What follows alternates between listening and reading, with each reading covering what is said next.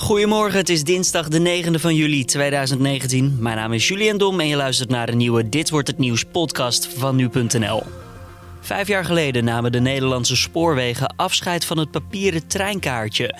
Iedereen moest vanaf toen dus gebruik maken van de OV-chipkaart.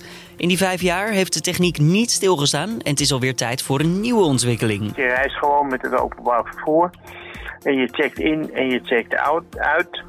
En het eind van de maand krijg je de rekening eh, wat je gereisd hebt. En dan wordt het ook afgeschreven van je bankrekening. Straks praten we verder over de OV-chipkaart met Chris Vonk van de reizigersvereniging Rover.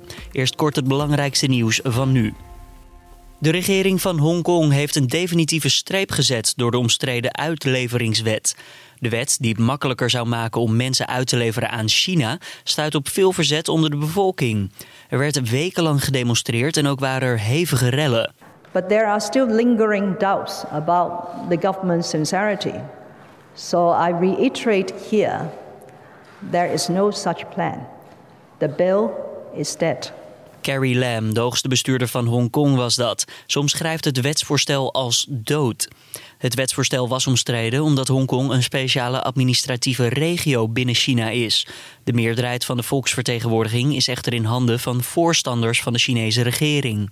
Bij een grote antidopingactie in meerdere landen zijn 234 mensen opgepakt. Dat meldt Europol. De Italiaanse politie leidde de actie in samenwerking met andere politiekorpsen en internationale organisaties. Er zijn 3,8 miljoen illegale medicijnen in beslag genomen. Volgens het Wereld Antidopingagentschap, dat is het WADA, zijn ook 17 georganiseerde misdaadorganisaties opgerold. De actie was gericht tegen het illegaal maken en verhandelen van doping en nepmedicijnen voor amateursporters. Bij de actie zijn negen drugslabs gesloten, waar in totaal voor 24 ton aan grondstoffen zijn gevonden. Alles is in beslag genomen. De Verenigde Staten hebben een grote wapenovereenkomst gesloten met Taiwan. De deal bestaat uit meer dan 100 tanks en antitankraketten. Naar verwachting zet dit besluit de al gespannen relatie tussen de VS en China verder onder druk. China beschouwt Taiwan namelijk als afvallige provincie en ziet de Amerikaanse banden met het eiland als een van de gevoeligste onderwerpen in de relatie met de VS. Bij een huiszoeking bij miljardair Jeffrey Epstein in New York zijn honderden en misschien wel duizenden naaktfoto's aangetroffen. Volgens de aanklagers gaat het vermoedelijk om foto's van minderjarige meisjes. The charges allege that Epstein sexually abused young girls by enticing them to engage in sex acts for money. Daar hoorde je de aanklager al even. Epstein zit sinds afgelopen weekend vast en hij wordt verdacht van het seksueel uitbuiten en misbruiken van minderjarige meisjes tussen 2002 en 2005. Sommige meisjes waren pas 13 jaar oud. De voormalig hedgefund manager pleitte maandag in de rechtbank onschuldig te zijn. En dan naar ons gesprek van deze dag, de OV-chipkaart.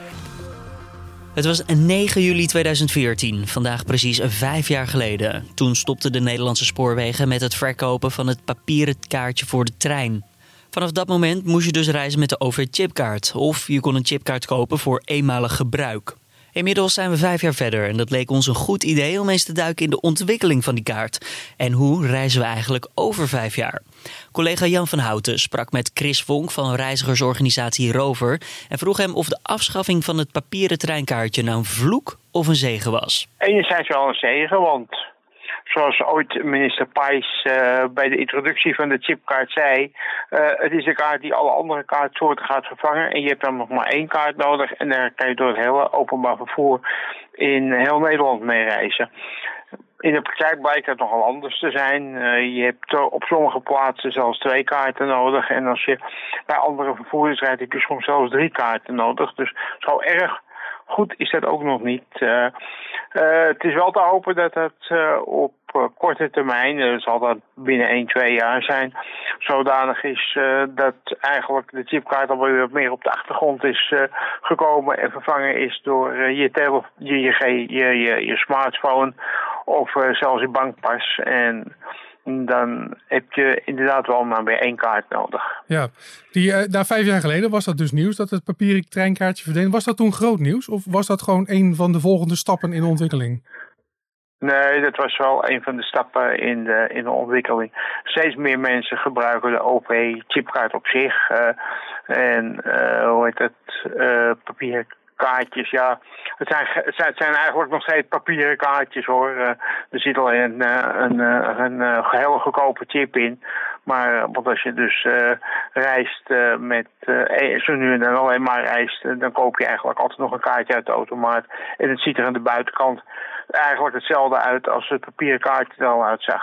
Neem eens mee in de ontwikkeling van de, van de OV-chipkaart. In 2004 begonnen de eerste proeven uh, daarmee. Was uh, reizigersorganisatie Rover meteen enthousiast over deze nieuwe techniek? Nee, wij hebben altijd gezegd, wij willen dat naast uh, de, en dat zeggen we eigenlijk nog steeds, uh, alleen ja, we weten dat de praktijk anders is, dat je naast het, de OV-chipkaart eigenlijk ook het papieren kaartje zou moeten handhaven. en daar zijn we eigenlijk nog steeds van mening. deels heeft dat er ook mee te maken dat je tegenwoordig ja, je kan thuis ook uh, via internet een kaartje bestellen. En dan krijg je ook een papieren kaartje in de vorm van een uh, stukje papier wat je uit je printer laat komen. En waarop een, uh, een Q-code zit, waarmee je ook altijd door de poortjes heen kan. Wat waren de grootste kinderziektes eigenlijk van de OV-chipkaart? Waar kregen jullie de meeste klachten over? niet goed kunnen in- of uitchecken. Dat was in het begintijd nogal, uh, nogal problematisch. En dat heel veel gebeurde mensen, dus toen de poortjes nog niet gesloten waren. En ja, op een aantal stations heb je er altijd nog, want het grootste deel van de stations, uh, die hebben nog helemaal geen poortjes. Vergeten in of, en vooral vergeten ook uit te checken. Dat, en dan ben je een hele hoop geld kwijt. 10 of 20 euro als je bij de spoorwegen reist. Dat geld krijg je wel weer vrij gemakkelijk terug hoor. Maar ja, daar moet je wel altijd moeite voor doen natuurlijk. Ja, want in oktober vorig jaar is eh, Schiermonnikoog eh, de laatste plek in Nederland geweest waar de OV-chipkaart uh, werd ingevoerd. Nu is heel Nederland bedekt. Is het nu een systeem dat dat af is? Zijn we nu klaar? Nee hoor, dat is het uh, nog steeds niet. Want uh, kijk, nu moet je, uh, dat is weer de volgende stap die nu gemaakt wordt naar het zogeheten flex-systeem. En daar gaan alle vervoermaatschappijen ook in mee. Dat je, hoe heet het, dat is ook de volgende stap. Dat je niet meer vooraf betaalt. Hè? Want als je nu dus met de trein gaat of ook met het stads- of streekvervoer betaal je vooraf een bedrag bij de trein 10 of 20 euro. Bij de uh, stadsvervoer 4 euro. En als je dan je reis gemaakt hebt, dan wordt er afgerekend en dan krijg je het resterende bedrag uh, weer terug. Uh, wat je ziet bij het flexsysteem wat nu een aantocht is, is dat je, hoe heet het, maar één keer per maand afrekent. Je reist gewoon met het openbaar vervoer. En je checkt in en je checkt out, uit. En uh, hoe heet het, uh, eind van de maand krijg je de rekening uh, wat je gereisd hebt en dan wordt het ook afgeschreven van je bankrekening. Dat is iets wat in de toekomst veel meer zal gaan spelen. Ja, waar, waarom is dat vijf of vijftien jaar geleden niet zo ingevoerd? Want dat, was, dat is wel een van de grootste ja, ergernissen volgens mij. Was, toen was de techniek uh, nog niet zo ver. Dit geldt ook, uh, dat geldt nu ook voor die, dat flat Want dat betekent dus dat al die chipkaartlezers allemaal vervangen moeten worden door andere lezers die wel een stuk eenvoudiger zijn gelukkig. Want ze hoeven geen berekening meer uit te voeren. Want die berekening die wordt uitgevoerd uh, elders in de, de back-office, in dit geval bij TLS in Amersfoort. Die dan in de nachtelijke uren uitrekent wat je hebt gereisd en dat gewoon op je rekening gaat zetten één keer in de maand. De LP uh, komt terug. Zelfs het uh, cassettebandje is met een revival bezig. Uh, nostalgie en vintage is weer helemaal hip. Komt het papieren treinkaartje ook weer terug, denk je ooit? Nee, ik denk niet dat dat nog terugkomt. dat, dat kunnen we wel vergeten. Chris Vonk hoorde je van reizigersorganisatie Rover in gesprek met collega Jan van Houten. Dan blikken we nog eventjes op wat er verder vandaag te gebeuren staat. Een dag nadat Mike Teunissen zijn gele trui verloor in de Tour de France... is het peloton toe aan de vierde etappe alweer.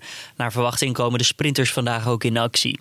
De rit van 215 kilometer tussen Reims en Nancy is nagenoeg vlak. Wat betekent dat onder andere Dylan Groenewegen van team Jumbo-Visma... mits hij voldoende is hersteld van zijn val in de openingsetappe... zal azen op dagsucces. Ook zal de Hoge Raad uitspraak doen in de omkopingszaak van oud-wethouder Jos van Ree van Roermond.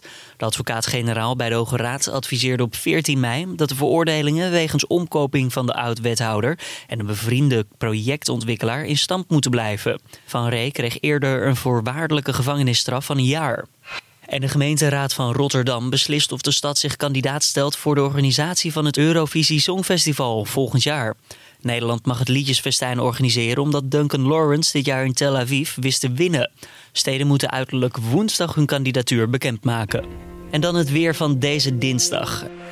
Er hangen wolkenvelden boven Nederland, maar her en der breekt de zon af en toe toch nog even door. In het noordoosten kan de dag wel beginnen met wat regen. Later op de dag is het vrijwel overal droog en de temperatuur die is te doen, het wordt 17 tot 21 graden. En dan kijken we ook nog even kort naar de beurs. De AEX eindigde gisteren 0,2% in de min op 569,36 punten. En de midcap die zakte iets harder, namelijk 0,9% tot 799,37 punten. Ook elders in Europa daalde de beurzen licht. In Parijs, Frankfurt en Londen was er een daling van zo'n 0,2 procent. En in Istanbul zelfs 0,9 procent. Dat gebeurde na het ontslag van de gouverneur van de Turkse Centrale Bank. Dan de Verenigde Staten. Daar stonden Apple en Boeing onder druk op de beurs. De Dow Jones-index sloot 0,4 procent lager op ruim 26.806 punten. En de S&P-index verloor een half procent. En als laatste dan de technologiebeurs Nasdaq. Die moest 0,8 procent inleveren tot 8.098,8 38 punten. De beursupdate is even nieuw in deze podcast. Laat ons weten wat je ervan vindt. Wil je het wel of wil je het niet horen? Podcast.nu.nl En zoals altijd eindigen we nog altijd met een opmerkelijk berichtje. Deze keer een groep straaljagers in Zwitserland. Die wilden een luchtshow geven. Nou, dat is op zich niet zo heel vreemd. Maar die show die werd gegeven boven de verkeerde stad. Het team van de Zwitserse luchtmacht zou informatie vliegen over de stad Langenbrück. Dat ter ere van de 100ste sterfdag van de Zwitserse luchtvaartpionier Oscar Bieder. Die was daar ook geboren. De piloten lieten echter boven Mumliswil al zien wat ze konden.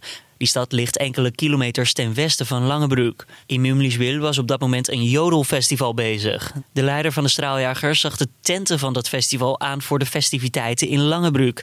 Het Zwitserse ministerie van Defensie heeft excuses aangeboden. Volgens een woordvoerder kon de fout gemaakt worden omdat er geen navigatie aanwezig was in de gebruikte straaljagers. En dit was dan de Dit Wordt Nieuws podcast van deze 9e van juli. Elke maandag tot en met vrijdag zijn we er om 6 uur ochtends op nu.nl. Wat vond je van de uitzending? Laat het ons weten via podcast.nu.nl of laat een reactie achter in een van je eigen favoriete luisterapps. Mijn naam is Julian Dom. Ik wens je voor nu een goede dinsdag en tot morgen.